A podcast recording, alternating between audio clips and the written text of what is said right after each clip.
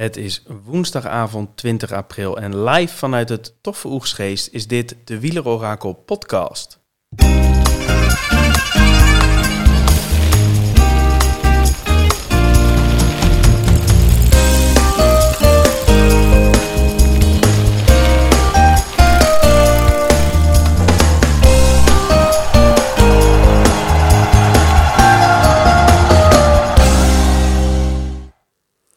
Het wordt eigenlijk een beetje sneu, maar ik zit hier weer helemaal by myself.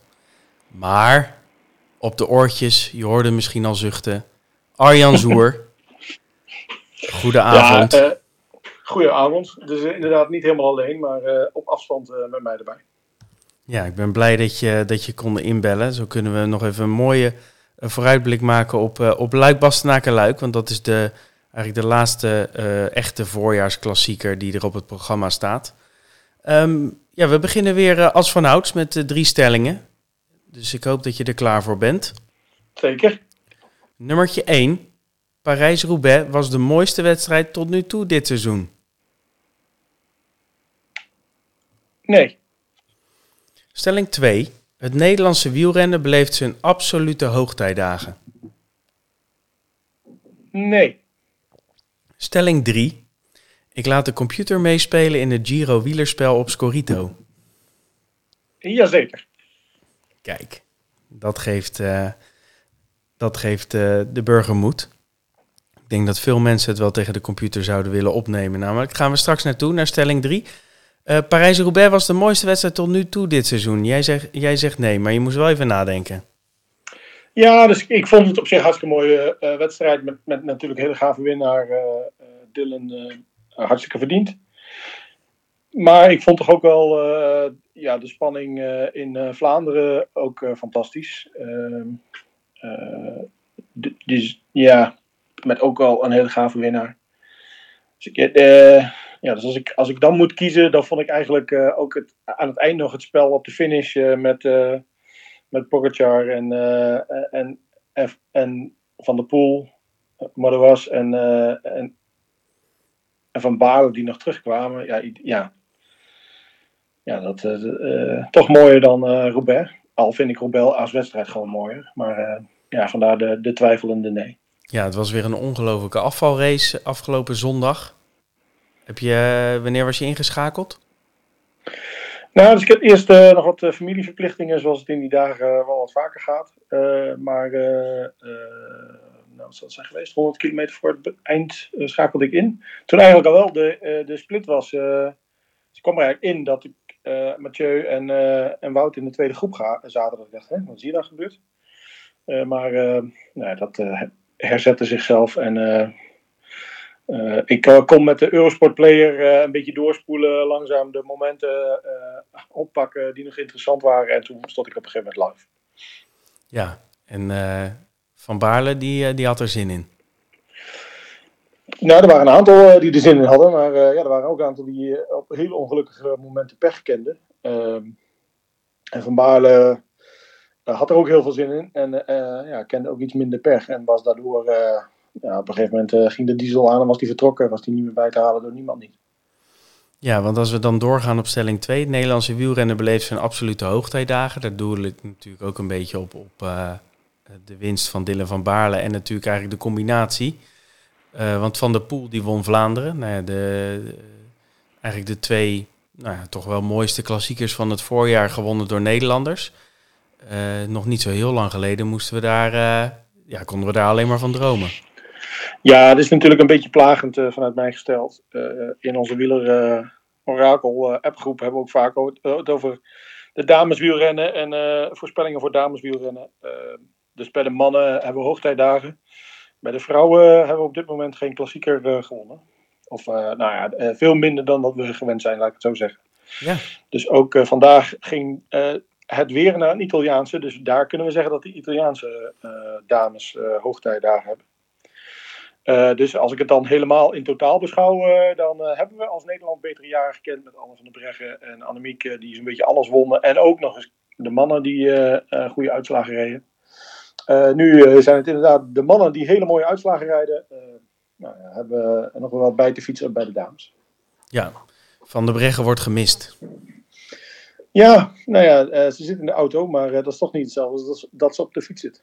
Dat blijkt al. Is, is Vollering wel langzaam maar zeker naar een, naar een goede vorm aan het toegroeien als je haar uitslagen bekijkt? Zeker zeker. En ik dacht dat die, uh, dat die mikt op de Tour de France om die, uh, om die te winnen bij de dames. En daar ben ik bij. Dus ik, nou niet erbij, maar ik ben er op vakantie. Dus de laatste twee etappes komen dicht in de buurt bij waar mijn huisje staat. Kijk, even zwaaien, Demi. Zeker, zeker. Heel goed. Stelling 3. Ik laat de computer meespelen in het Giro wielerspel op Scorito. Ja, tegen jullie allemaal hopelijk. Ja, want we gaan uh, morgenochtend, nou, voor de, het ligt er een beetje aan wanneer de luisteraar dit luistert natuurlijk, maar donderdagochtend om 10 uur gaat uh, het Scorito Giro wielerspel open. En dan zullen wij ook weer een, een subleague aanmaken, waarin iedereen kan meespelen. En um, uiteraard zullen we nog een, een speciale podcast met tips daarover wijden, aanwijden. En we gaan ook verschillende blogs plaatsen. En dan zullen we het ook elke keer uh, met de computer. En is het, is het voor jou mogelijk om, uh, nou ja, om het ultieme computerteam samen te stellen? Ja, dus wat we de afgelopen jaren al steeds vaker hebben geprobeerd te doen, is ook op basis van de prijzen die Scorito geeft, ook het ideale team samen te stellen. Dus op basis van wat de computer denkt dat de winnaars zijn van de verschillende etappes, dan de, de puntentellingen met de ploegenpunten erbij, et cetera, en de truienpunten. Uh, kijken wat de beste uh, prijs-kwaliteitsverhouding is, uh, zullen we het zo maar zeggen. En dus ook wat de beste samenstelling van 20 renners zou kunnen zijn. Ik, ja, dat gaat mijn opstelling worden. Dus we gaan kijken of dat ook echt Soelaas heeft geboden. Al moet ik zeggen dat vaak de verrassing maakt of je nou bovenin meedoet of niet. Uh, nou, hopelijk kan de computer ook de verrassingen eruit pikken. Maar uh, doorgaans uh, kijkt hij vooral naar mensen die tot op heden al goed presteren. Ja, en um, voor dat Scorito-stuk nog leuk om even, als je hem nog niet geluisterd hebt, om terug te luisteren. De, de podcast die we hebben opgenomen met CEO van Scorito, Martijn van Dijk. Daarin vragen we hem nou ja, van alles ook over nieuwe features in het spel. En prijsonthullingen voor de Giro zitten erbij. Dus, en ook hoe ze die prijzen vervolgens bepalen. Dat is ook wel erg interessant om, om te horen. Dus ga dat luisteren, zou ik zeggen. Gaan wij hem langzaam doorpakken naar, naar Luik, naar Luik. Alweer de laatste der, der mooie voorjaarsklassiekers. Ook nog eens de oudste. Wat we altijd doen is natuurlijk eerst de drie voorgaande edities beetpakken. Dan krijgen we wat statistieken van Daniel. Die, daar hebben we een fragmentje voor opgenomen eerder vandaag. En Arjan, jij hebt de ongelofelijke eer vandaag om het parcours te behandelen. Ja, ik weet dat je al, Ik weet dat je zenuwachtig bent, maar ik, ik kan jou geruststellen, jij kan dat. En uh, pakken we het weer en dan gaan we deelnemerslijst, computer, uh, voorspelling en, en natuurlijk onze onderbuiken laten spreken. Um, ja, voorgaande drie edities. 2019, Vogelsang, solo reed 27 seconden voor op Formolo. En um, daar weer een halve minuut achter was een groepje met Schachman, Adam Yates, Woods, Godu en Landa. Jou wel bekend, Arjan. Landa. Toppertje. Hè? Toppertje.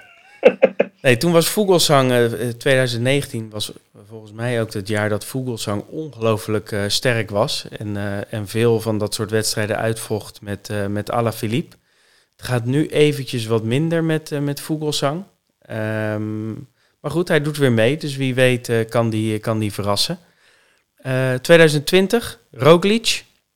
Die wint de sprint van een klein groepje. Uh, voor Hirschi, Pogacar, Mohoric, Alaphilippe. En kort daarachter sprint, jawel, Mathieu van der Poel. Die kan ook luik rijden. Dit keer niet overigens, maar hij kan het wel. Sprint in de achtervolgende groep op 14 seconden naar de, naar de, nou ja, naar de winst van dat groepje. Um, dus dit was weer een editie met een, met een klein groepje voorop. 2021, wederom een klein groepje voorop. vorig jaar was dat. En, en toen was het Pogacar die die groepsprint won. En uh, Philippe werd daar tweede, Gaudu derde, Valverde en Woods sloten daarna aan. En daarachter lag weer, het was helemaal verbrokkeld en verspokkeld ook dat, dat veld. En Hirschi, Woods en Mollema, die, hey, twee keer Woods, dat klopt niet helemaal. Eén keer Woods was dat. Uh, maar die, die zaten weer op 7 seconden daarachter. Dus je ziet wel heel vaak dat het uh, toch wel flink versnipperd is. Maar enorm grote verschillen nou ja, heb je toch ook weer niet, niet vaak. En het is vaak dus een, een mix tussen um, nou ja, klassementsmannen die we kennen uit de grote rondes. En natuurlijk ook de, de punchers à la, Philippe. Um, weet je nog wat van die vorige editie, Arjan? Of heb je hem verbannen? Nee, nee, nee. Nou, dus de, de, de, de 2020-versie met Alaphilippe die iets wat van zijn lijn af, uh, afweek. En daardoor eigenlijk Pogacar misschien wel het meest benadeelde. Uh, en, en Pogacar die, die ja, daar op een glorieuze manier revanche opnam een jaar daarna. Dat is wat me vooral is bijgebleven. Een goede Mollema, die ook al toen goed was in de Flash Wallon. dit jaar ietsjes minder op uh, de Waalse pijl was. Uh, maar uh, ja, ook wel een koers die hem ligt. En dan kijk ik toch wel altijd een beetje meer naar hoe de Nederlanders het doen tijdens dit koers. Ja, dat zeg je goed, want we, we zijn eigenlijk een klein beetje vergeten om de Waalse pijl te, te bespreken. die was natuurlijk ook vandaag. Um, ja, het was eigenlijk traditiegetrouw was het weer een minuutje spannend. Ja. En uh, nou ja, de, de, winnaar toch wel een beetje verrassend. Dat moet, Thomas moet dat ongelooflijk goed doen. Dylan ja. Teuns. Dylan Teuns, ja. ja. Uh, het, uh, de man die eigenlijk niet te verstaan is in interviews. Ja, zou die al dronken wel, zijn, denk je, of niet? Ja, die, ik, ik gun het hem van harte, want hij fietste echt gewoon de, de, vandaag nou, als je gewoon Valverde los uit je wiel fietst, dan ga je hard de, de, de, de Waalse pijl omhoog. En uh, Valverde is toch echt wel expert. Uh, je kunt met recht zeggen, ja, dat heeft nog nooit niemand zo vaak, oh, dat is trouwens Daniel zijn, meer zijn cup of tea, maar volgens mij heeft er niemand zoveel de, de Waalse pijl gereden, tenminste in mijn herinnering, als Valverde. En ja, als je dan op het juiste moment aangaat, omdat Valverde eigenlijk ook aangaat en dan zo wint, dan, ja, dan ben je gewoon echt heel goed. Ja, want eigenlijk, uh, het leek er ook op alsof uh, Valverde nog wel uit het wiel van Teuns zou komen. Ja. de enige die die versnelling van, uh, van Teuns kon volgen. Maar het lukte net niet. Hij moest, hij moest gaan zitten. En dan, dan beginnen de jaren dan toch echt een beetje te tellen voor, voor Valverde. Interessant ook, ja. de, de rest van de top 10. Vlasov op 3. Is ook al ja, wel goed, Misschien daarvoor, zeg maar, het moment dat, dat eigenlijk misschien nog wel meer uh, aanspraak was uh, dat Pogacar moest gaan zitten. Ja. En Alaphilippe zat in zijn wiel en die zag je eigenlijk een soort van twijfelen. Hè? trekt hij niet door? En daardoor kon eigenlijk Vlaasov zich een beetje losmaken van Alaphilippe. Ja, en, en die werd dus eigenlijk misschien nog wel verrassend derdes. met Alaphilippe erachter. Ik denk als Alaphilippe door had dat Pocky niet zo goed was als dat we misschien wel met elkaar dachten dat uh, de uitslag iets anders was geweest. Maar uh, die liet zich een beetje verrassen, had ik het idee. Ja, Pogacar die, uh, die zakte inderdaad doorheen. Die werd uiteindelijk twaalfde. Ja. Um, waar veel mensen hem toch wel op nou ja, podium hadden verwacht, denk ik. Inclusief mijzelf. Ja. Alaphilippe 4, Daniel Martinez nummer 5. Dus de eerste Ineos-redder. Gaat wel minder hè, met Ineos. ja, ze hebben ze een beetje alles gewonnen. Uh, ze zaten er weer uh, goed bij met, uh, met dit keer ook twee mannen in die finale. Dus Philip Martinez werd gewoon goed gebracht. ja, hij kon het niet afmaken, maar op zich ook niet zo gek, denk ik. Nee, zeer interessant voor de, voor de grote rondes wel om hem in de gaten te houden. Woods toch ook weer op de afspraak. Zesde. Guerrero 7, Mollard 8, Barguil 9 en Viermo nummer 10. Toch weer die, al die muurbeklimmers die, eh, die komen toch weer bovendrijven. Ja, ik vond Benoot op 11 uh, vond ik ook nog wel uh, hoopgevend voor Luik. die is toch echt in goede doen. En ja, die kan ook zo'n steile pukkel dus mee met de beteren. Absoluut, die, die blijft goed in, in vorm. Um, nou ja, hebben we, hebben we Waalse Pijl toch nog afgetikt. fijn. Uh, gaan we door naar de, de stad van Daniel. Die, die starten, we, starten we nu in, want zoals gezegd hebben we die eerder uh, vandaag opgelopen. Veel plezier met Daniel. Goedenavond Tom en Arjan. Leuk dat jullie vanavond over Luik Bastenaken Luik, Luik spreken. Ehm, ik heb even weer gekeken naar de statistieken en ben erin gedoken. En het zal je niet verbazen, maar er zijn wel wat leuke dingen te vinden over, over Luik Bastenaken Luik en speciale prestaties in, in die mooie koers. De oudste van allemaal, het oudste monument, bestaat al sinds 1892. Ehm, dus er zijn ook veel bijzondere prestaties geleverd. We kijken altijd eerst even naar de records. Um, Philippe Gilbert, hij wordt vaak genoemd als actieve renner met de meeste deelnames. Maar in La Doyenne is hij ook degene die van alle renners in de geschiedenis het vaakste deelgenomen heeft. Hij staat in 2022 voor zijn 17e deelname. Is recordhouder op dit moment met 16 starts. Um, en na hem stelt Alejandro Valverde voor zijn 16e, 16e deelname. en Valverde is dan ook nummer 2 in de lijst van all-time uh, meeste deelnames aan Luik Bastenaken Luik. Van de niet-actieve renners, uh, zo'n opvallende naam die we niet vaak tegenkomen, is Bram Tankink. Uh, samen met uh, Albacini, de niet-actieve renner met de meeste starts. 15 keer Luik Bastenaken Luik gereden. Um, naast dat Gilbert dus recordhouder aantal deelnames is, is hij ook de recordhouder met het meeste aantal finishes. 14 keer van de 16 deel deelnames wist hij te finishen. Um, nou, wat betreft aantal overwinningen en top 10's, dan is er maar eh, één naam die uh, Luik uh, uh, Luik naar voren komt. Eddie Merckx, vijf keer gewonnen, tien keer top 10. Um, ehm, nou, verder komt wel in de buurt met vier zegens. Uh, en daarnaast is ook uh, Rebellin als actieve renner. Tja, in hoeverre is hij actief? Um, hij koers nog. een van de actieve renners met, met veel top 10 plaatsen in, in Luik-Bastenaken-Luik.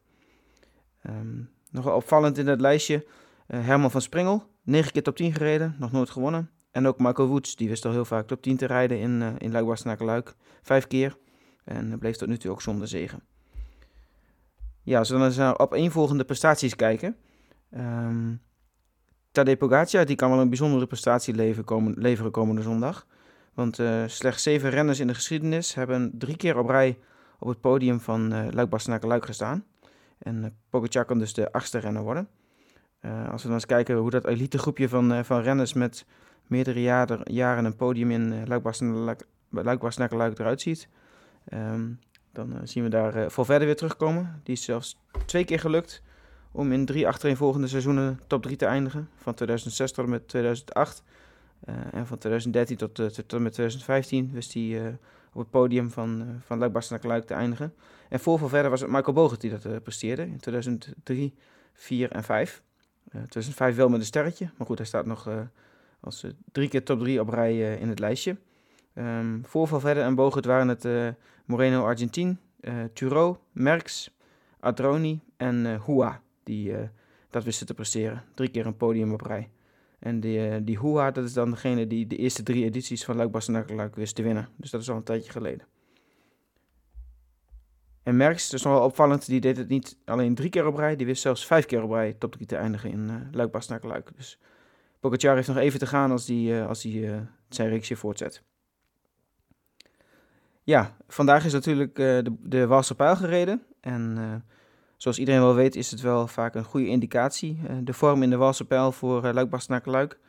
Je ziet dat, dat er bijna, nou, bijna elk seizoen wel een van de podium finishes in, in de pijl het ook goed doet in Luik Luik. dus een podium in Luik Luik wordt vaak vooraf gegaan met goede prestatie in, in de Walse pijl.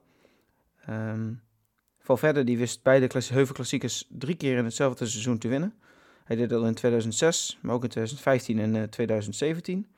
Eh, en in de afgelopen jaren was het alleen eigenlijk in 2018, 2016 um, dat, uh, dat er geen podiumkandidaat van de Wasse Pijl ook op het podium in luik bastenaken luik stond. Um, in ieder geval die, dubbel, die dubbele zegen van Valverde, uh, wat hij dus drie keer wist te doen, dat werd ook gedaan door, door Rebellin, door Gilbert, door Eddy Merckx, door Turo en door Argentin. Dus ook dat is best wel een lange lijst van renners die in hetzelfde seizoen de Walsenpijl en Luik Bastenaken Luik wonnen. Uh, en na Valverde in 2017, uh, eh, of naast Valverde in 2017, is het de afgelopen jaren ook uh, Kwiatkowski in 2014, Dan Martin in 2017, Vugelsang 2019, Hirschi in 2020 en Alaphilippe in 2015 en 2021 gelukt om in, in beide Walse heuvelklassiekers top 3 te eindigen. En nog wel een leuke naam die ik tegenkwam in 1996. Ik herinner het me niet, maar uh, Lance Armstrong wist ook in, uh, in beide koersen top 3 te eindigen in 1996. En de enige Nederlander die ik tegenkwam in de lijst is Maarten den Bakker in 1999. Reed hij zowel top 3 in de Wassenpijl als in Luik-Bastenaken-Luik. Wel een opvallende naam in, in deze statistiek. Nou, dat voor wat betreft de opeenvolgende prestaties en de, en de combinatie met, met de, de Walse.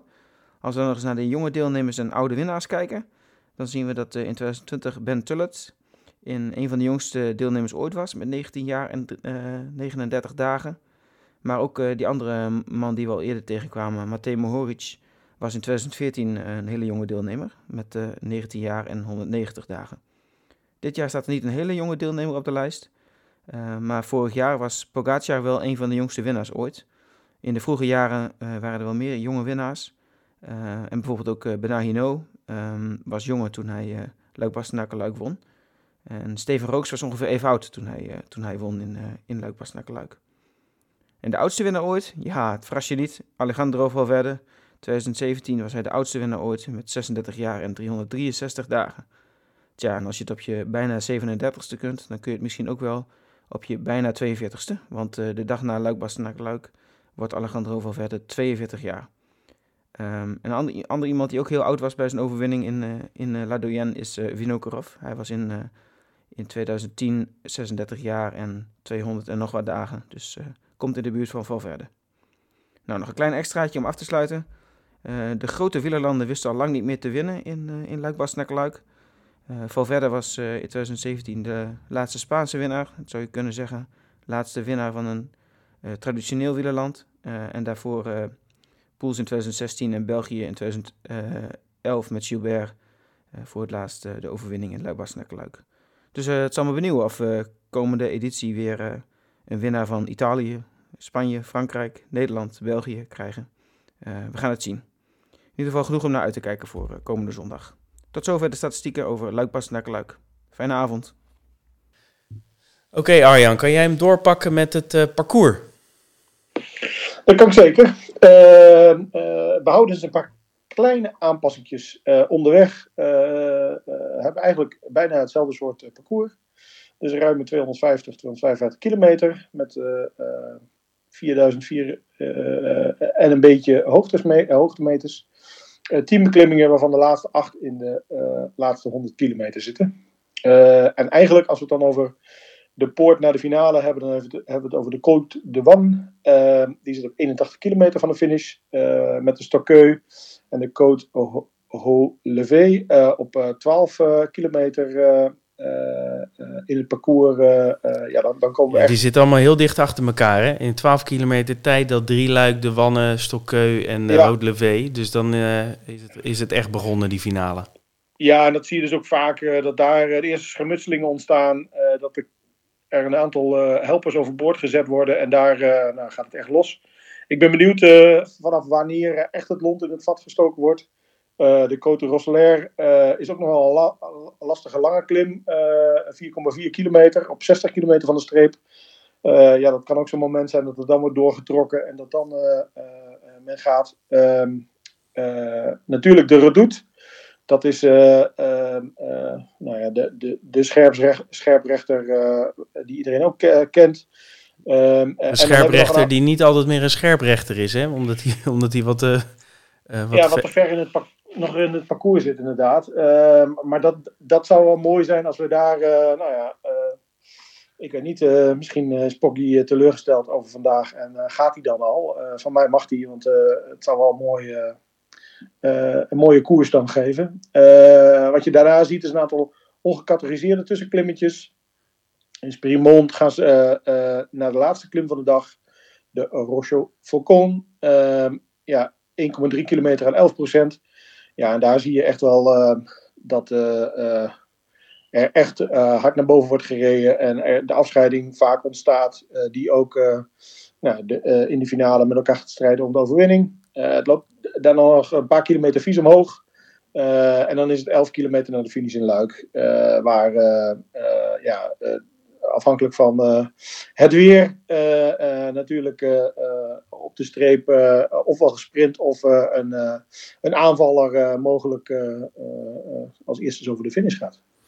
Ja, want inderdaad, die uh, Côte de la Roche au Vaucon, dat is echt iets, uh, nou, daar gebeurt het vaak. Uh, daar wordt een verschilletje gemaakt. En die, laat, die twee kilometer die dan niet gecategoriseerd is, maar die wel vies doorloopt, daar, daar trekken ze hem vaak nog door. En als je dan pijn in je benen hebt, dan wordt het gat alleen maar groter.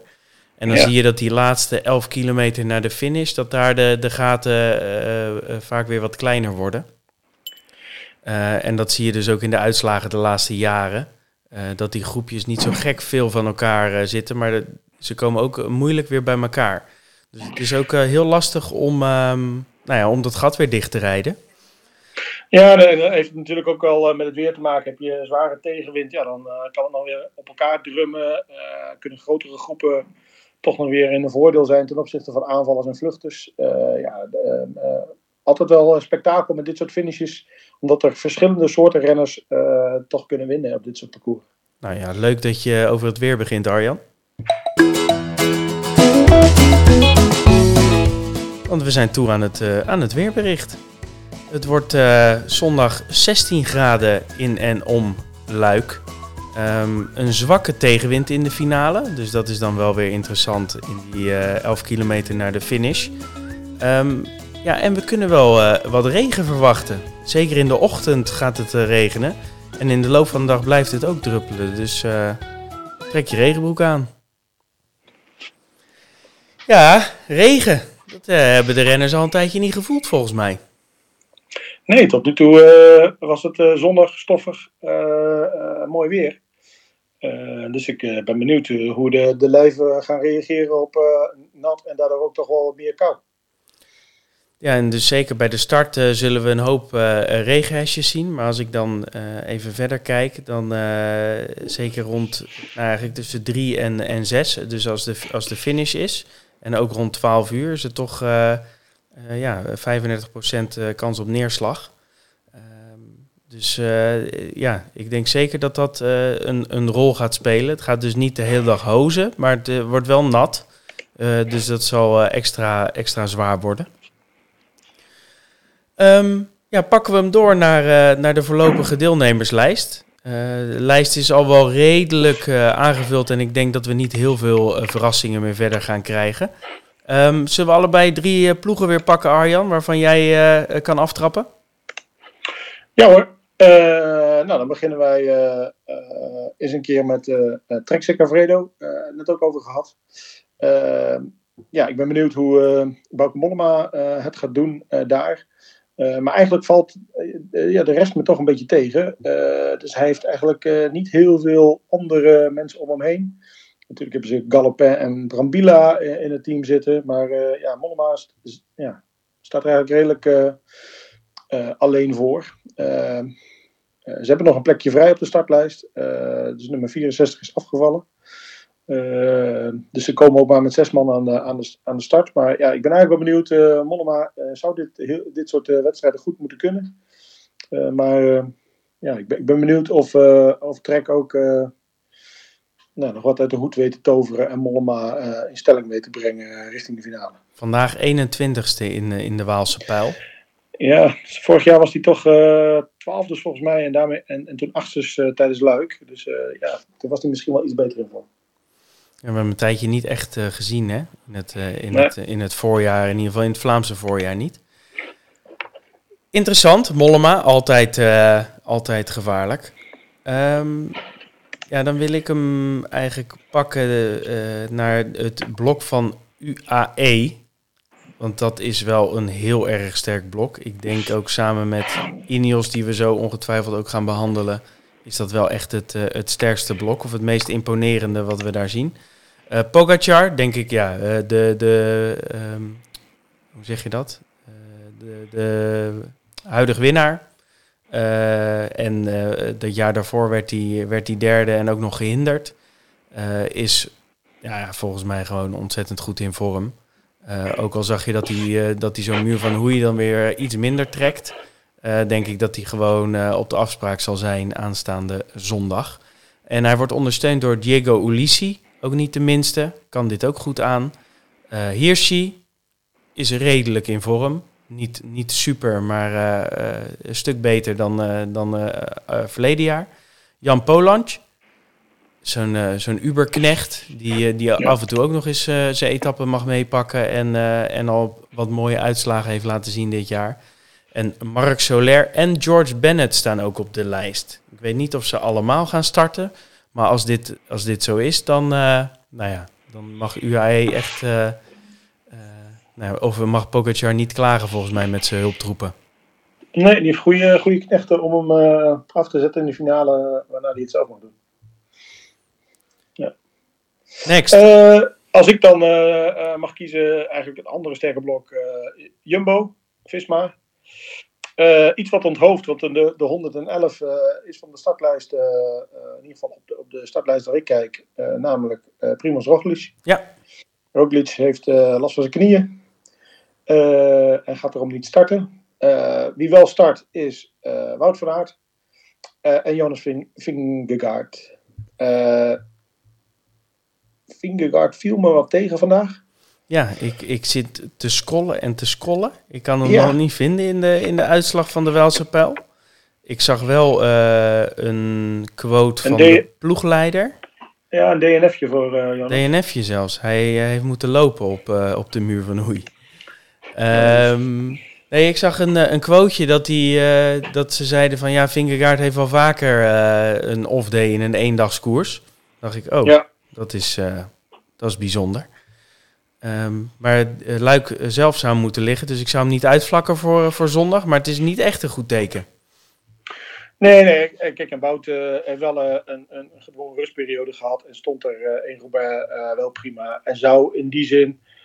Ja, ja wat kan de man niet? Hij kan een Mont Ventoux etappe winnen in de Tour. dus, dus ja, waarom dit niet? nou ja, ik denk dat ze liever met Roglic als, als kopman hadden hier aan de, aan de start hadden gestaan, waarbij Wout een vrijere rol zou hebben. Uh, ze hebben Benoot natuurlijk ook nog, die het vandaag ook goed deed. Uh, en uh, verder staan Sam Ome, Tosh van der Zanden en Jos van Emden op de startlijst. Dus op zich een prima ploeg, maar een beetje onthoofd door het wegvallen van Roglic. Ja, maar met Van Aert geen klagen, denk ik. Hij, hij liet in ieder geval in Roubaix zien dat hij, dat hij nog aardig mee kan. pak ik hem door met Bora. Uh, die hebben toch ook wel een, een leuk ploegje. Uh, met Vlasov, Higita, uh, Konrad en ook Kelderman staat op de lijst. Het blijft altijd even aftasten of dit de, daadwerkelijke selectie is.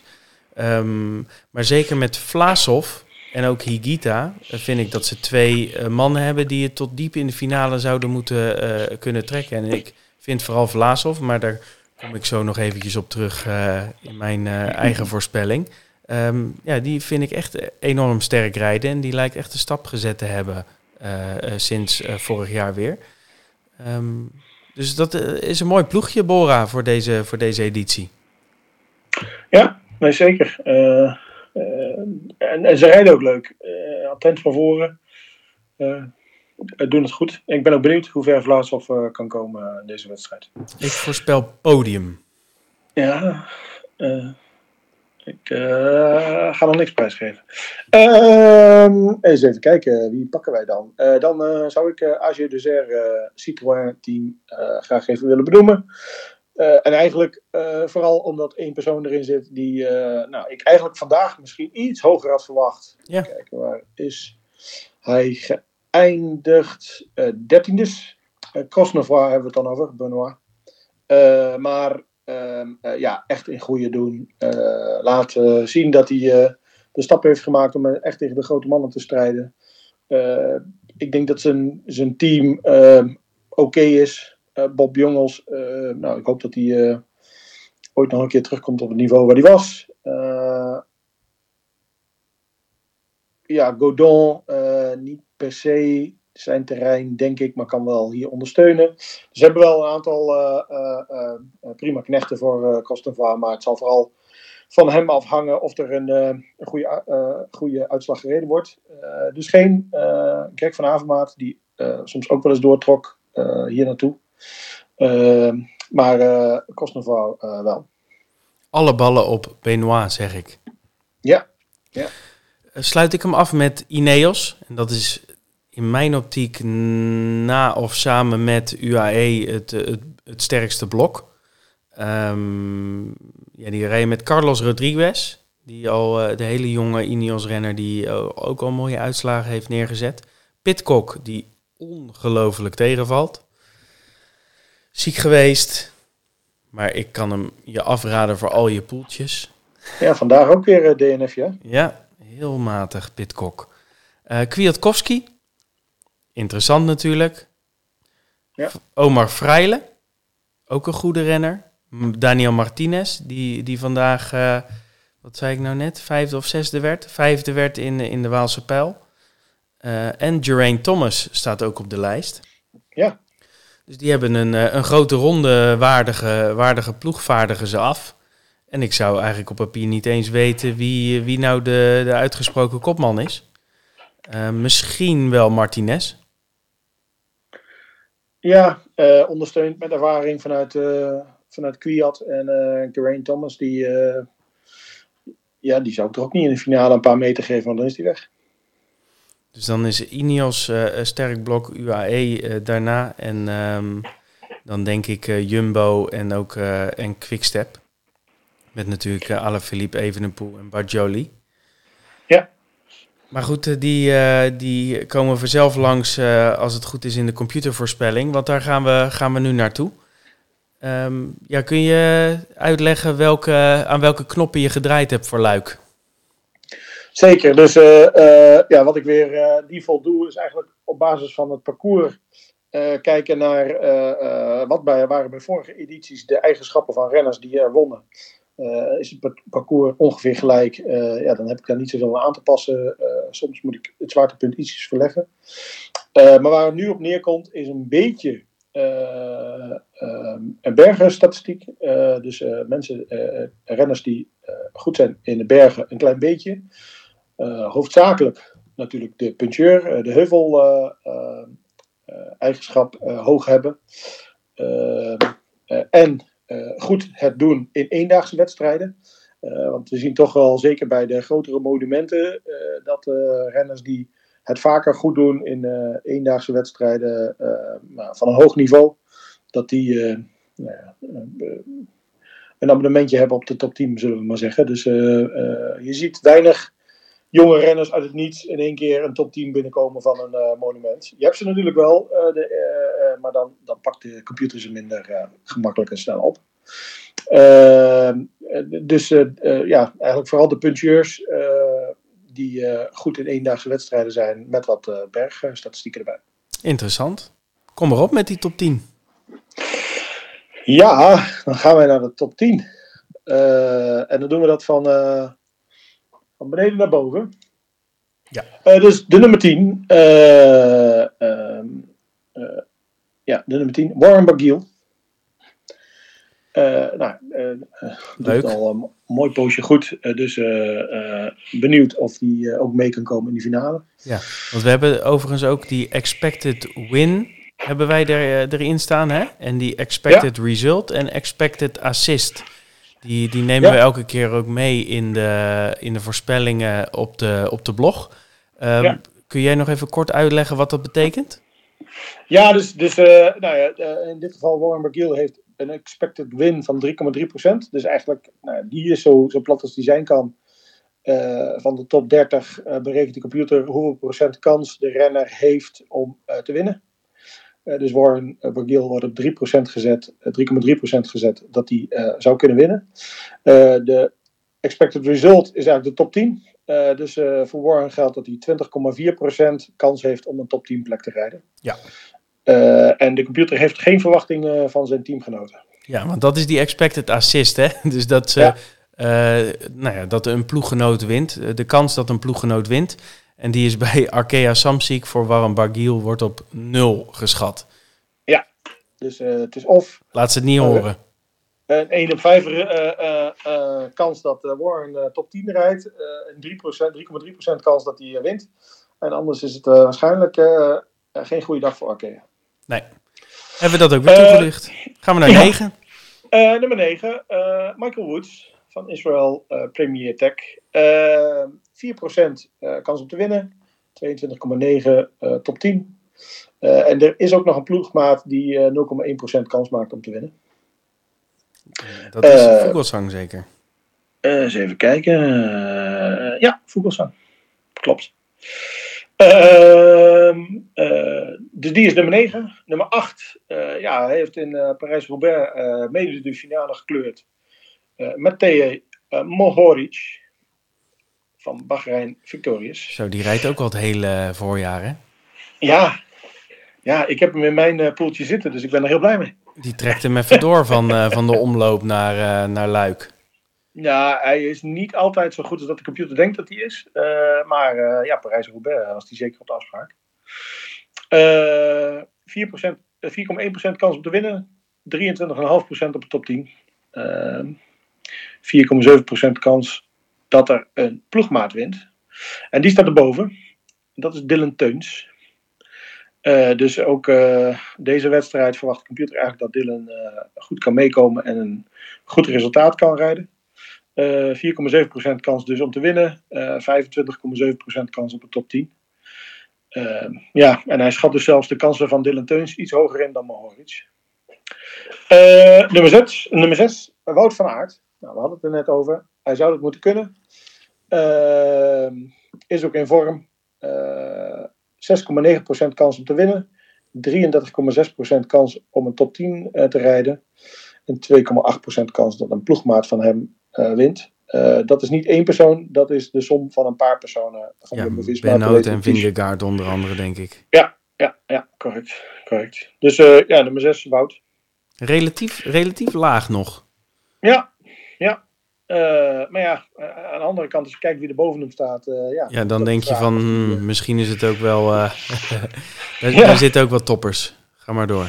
Ja, dus als we nummer 5 bekijken, Alexander Vlaasov. vandaag hartstikke goed. ja, in vorm verlies je niet in een paar dagen, tenzij, tenzij je ziek wordt. dus dat neemt de computer mee. 6,7% ehm, kans om te winnen, 36% kans op de top 10. En niemand van, van Bora Wordt eigenlijk in de top 30 verwacht. Dus ook geen Kelderman. Uh, wat op zich wel, uh, wel jammer is, maar gezien zijn uitslagen de afgelopen periode ook wel begrijpelijk, denk ik. Uh, ja. Persoonlijk hoop ik nog wel dat, dat Kelderman ook een mooie wedstrijd kan rijden. Maar de computer verwacht dat niet. dan nummer 4, de oude krijger. Daar is die Alejandro Valverde. Kijk.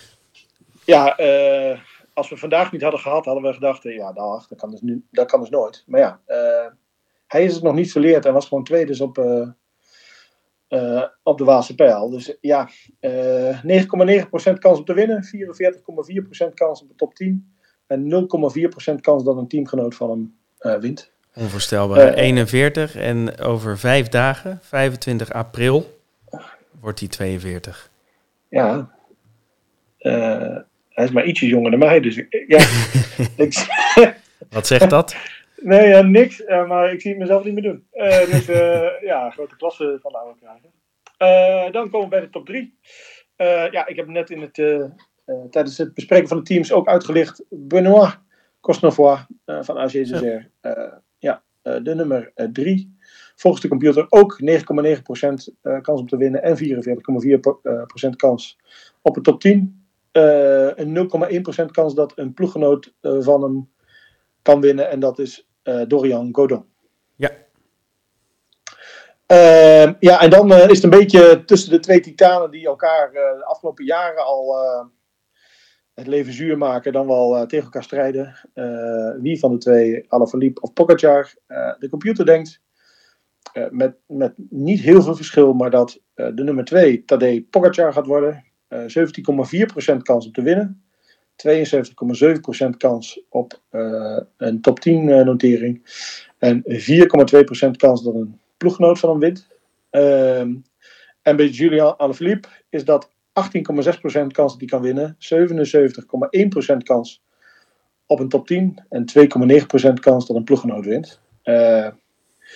Ja, dan zie je dus eigenlijk dat uh, eh, 36% kans uh, is dat of alle, Philippe of Pogacar uh, gaat winnen. Ja. En misschien is het, nee, het is dat Cosnefroid en, uh, en Valverde ook allebei nog 10% opslokken. Maar ja, eigenlijk ziet de computer wel afgetekende favorieten zeg maar, in deze koers. Ja, uh, Alaphilippe die heeft van tevoren gezegd dat dit ook zijn grote doel is. Ja. Moet, hij moet nog wel iets verbeteren. Ten opzichte ja, nou, van woensdag. Want dat is toch ook een wedstrijd die hem als geen ander ligt. Nou ja, wat ik zei, ik had echt een beetje het idee dat, dat, dat, dat Pogacar te ver van achteren startte en al te veel zich opblies in de stukken naartoe. Uh, Alaphilippe, die zat er best wel op gemak achter Pogacar. Uh, maar ja, toen hij ging zitten, liet hij zich volgens mij verrassen en moest hij te veel overbruggen. Ja, wat je op een gegeven moment niet meer kan als je al diep in het rood zit. Ik vond hem niet, uh, niet super slecht. Uh, Evenepoel zette hem echt netjes af. Uh, Zevenhand die, die, die was ook in de aanval om... Ja, die werd op de voet teruggepakt, hè? Ja. Dat was ja, met dus, Krach Andersen er vandoor. Dus op zich, Quickstep zijn koers verliep denk ik zoals ze wilden. Ik denk ook wel dat, dat Filippi ja, de, de juiste op de juiste manier werd afgezet en, en, de juiste benen had om, om mee te gaan. ja, uh, het kwam er niet helemaal uit, maar uh, ik, ik ben niet zo negatief over uh, zijn nou kansen. en dat hij kan pieken, dat, dat weten we inmiddels. Met zijn wereldkampioenstruien en nou, eerste etappe Tour vorig jaar. Um, ja. ja. Als Alaphilippe ergens zijn zinnen opzet, dan, dan wil het vaak lukken. Dus ja. vlak hem inderdaad zeker niet uit. Um, Oké, okay, dan gaan we hem doorpakken met, met onze eigen voorspellingen. Eh, verstand versus, uh, versus eenhoorn. Ja. Um, ja, kun jij uh, hem aftrappen?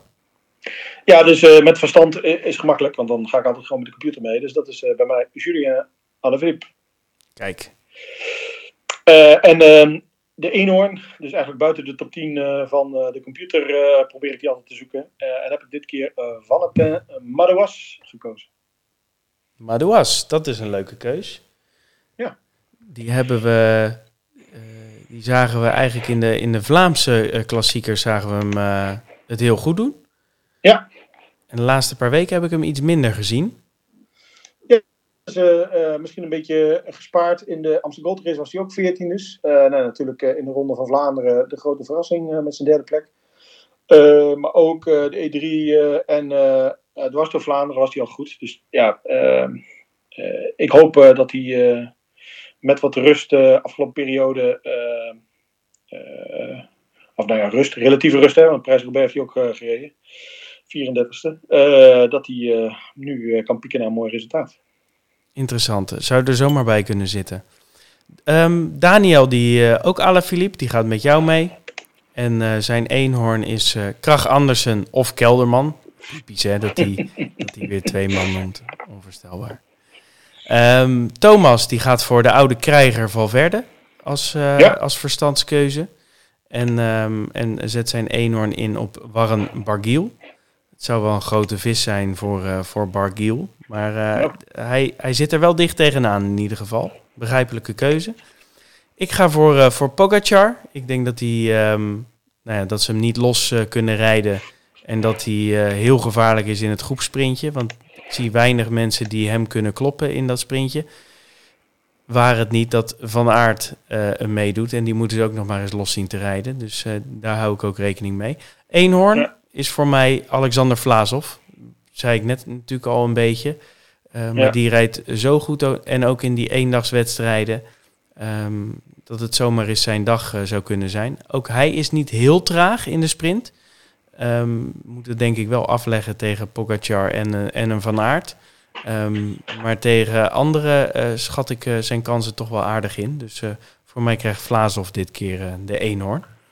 En als je buiten de top 10 zou kijken, wie zie je dan, geef je dan nog kansen die je mogelijk kan verrassen daar? Hebben we het dan over Evenepoel? Mm, ja, ja, why not hè? Uh, je ziet dat zo'n zo'n wedstrijd als, um, als vandaag, waar, die, uh, waar de, de procenten heel hard omhoog gaan, dat die daar toch wat minder is. Maar zeker als hij uh, een hele goede dag heeft en er wat eerder aan begint, dan zie ik hem, ja, dan zie ik hem ook nog wel een goede uitslag rijden. Um, buiten de top 10 vind ik Guillaume Martin nog wel interessant. Ja. Eh, is toch ook iemand die heel vaak goed is in, in Luik. Ja. Eh, het gaat een beetje spetteren, dus vlak Dus, Tim, eh, Tim Wellens niet uit. Wel eens, ja, ik wou hem ook al noemen. Ja, ja. En, eh, en denk dan denk ik toch ook aan zo'n type als Daniel Martinez. Want die is zo sterk aan het rondrijden. dat ik ook verwacht dat hij in de, in de beslissende fase de meest uitgeschoven of vooruitgeschoven pion van Ineos zal zijn. Ehm, dus dat zijn eigenlijk mijn, eh, mijn grootste eh, picks voor eh, buiten de top 10. Leuk. Ja, Luik. En, en daarna de Giro al best wel snel. Ook wel zin in, maar ook wel zin in Luik. Jij? Ja, nou wat je zei in de intro, ja, de laatste van de, de, de voorjaarsklassiekers. En dan op naar het rondewerk. Ja, zin in. Ik vind het niet de, de allerleukste kijkkoers, als ik heel eerlijk ben. eh, eh, terwijl, ja, dat laatste stuk eh, ook al vaker zelf gereden. Nou, dan vind ik het ook echt leuk om naar te kijken. Het begin, ja, moet ik altijd een beetje inkomen, merk ik, bij uh, Luik, Luik. Maar zeker eh, eh, weer zin om de finale te kijken, de laatste eh, eh, 80 eh, kilometer. Dan gaat hij weer aan en gaan we weer kijken. Ja, geen koers om eh, al vanaf eh, heel vroeg eh, in te schakelen, inderdaad. Maar ik ga hem zeker ook die laatste twee, drie uurtjes aangooien. Ehm, nou ja, gaan we weer afsluiten. Dank Arjan. Leuk dat je, dat je weer kon, kon aanschuiven. En op naar Luik en daarna lekker naar de Giro. Hey, Ja. tot later. Later.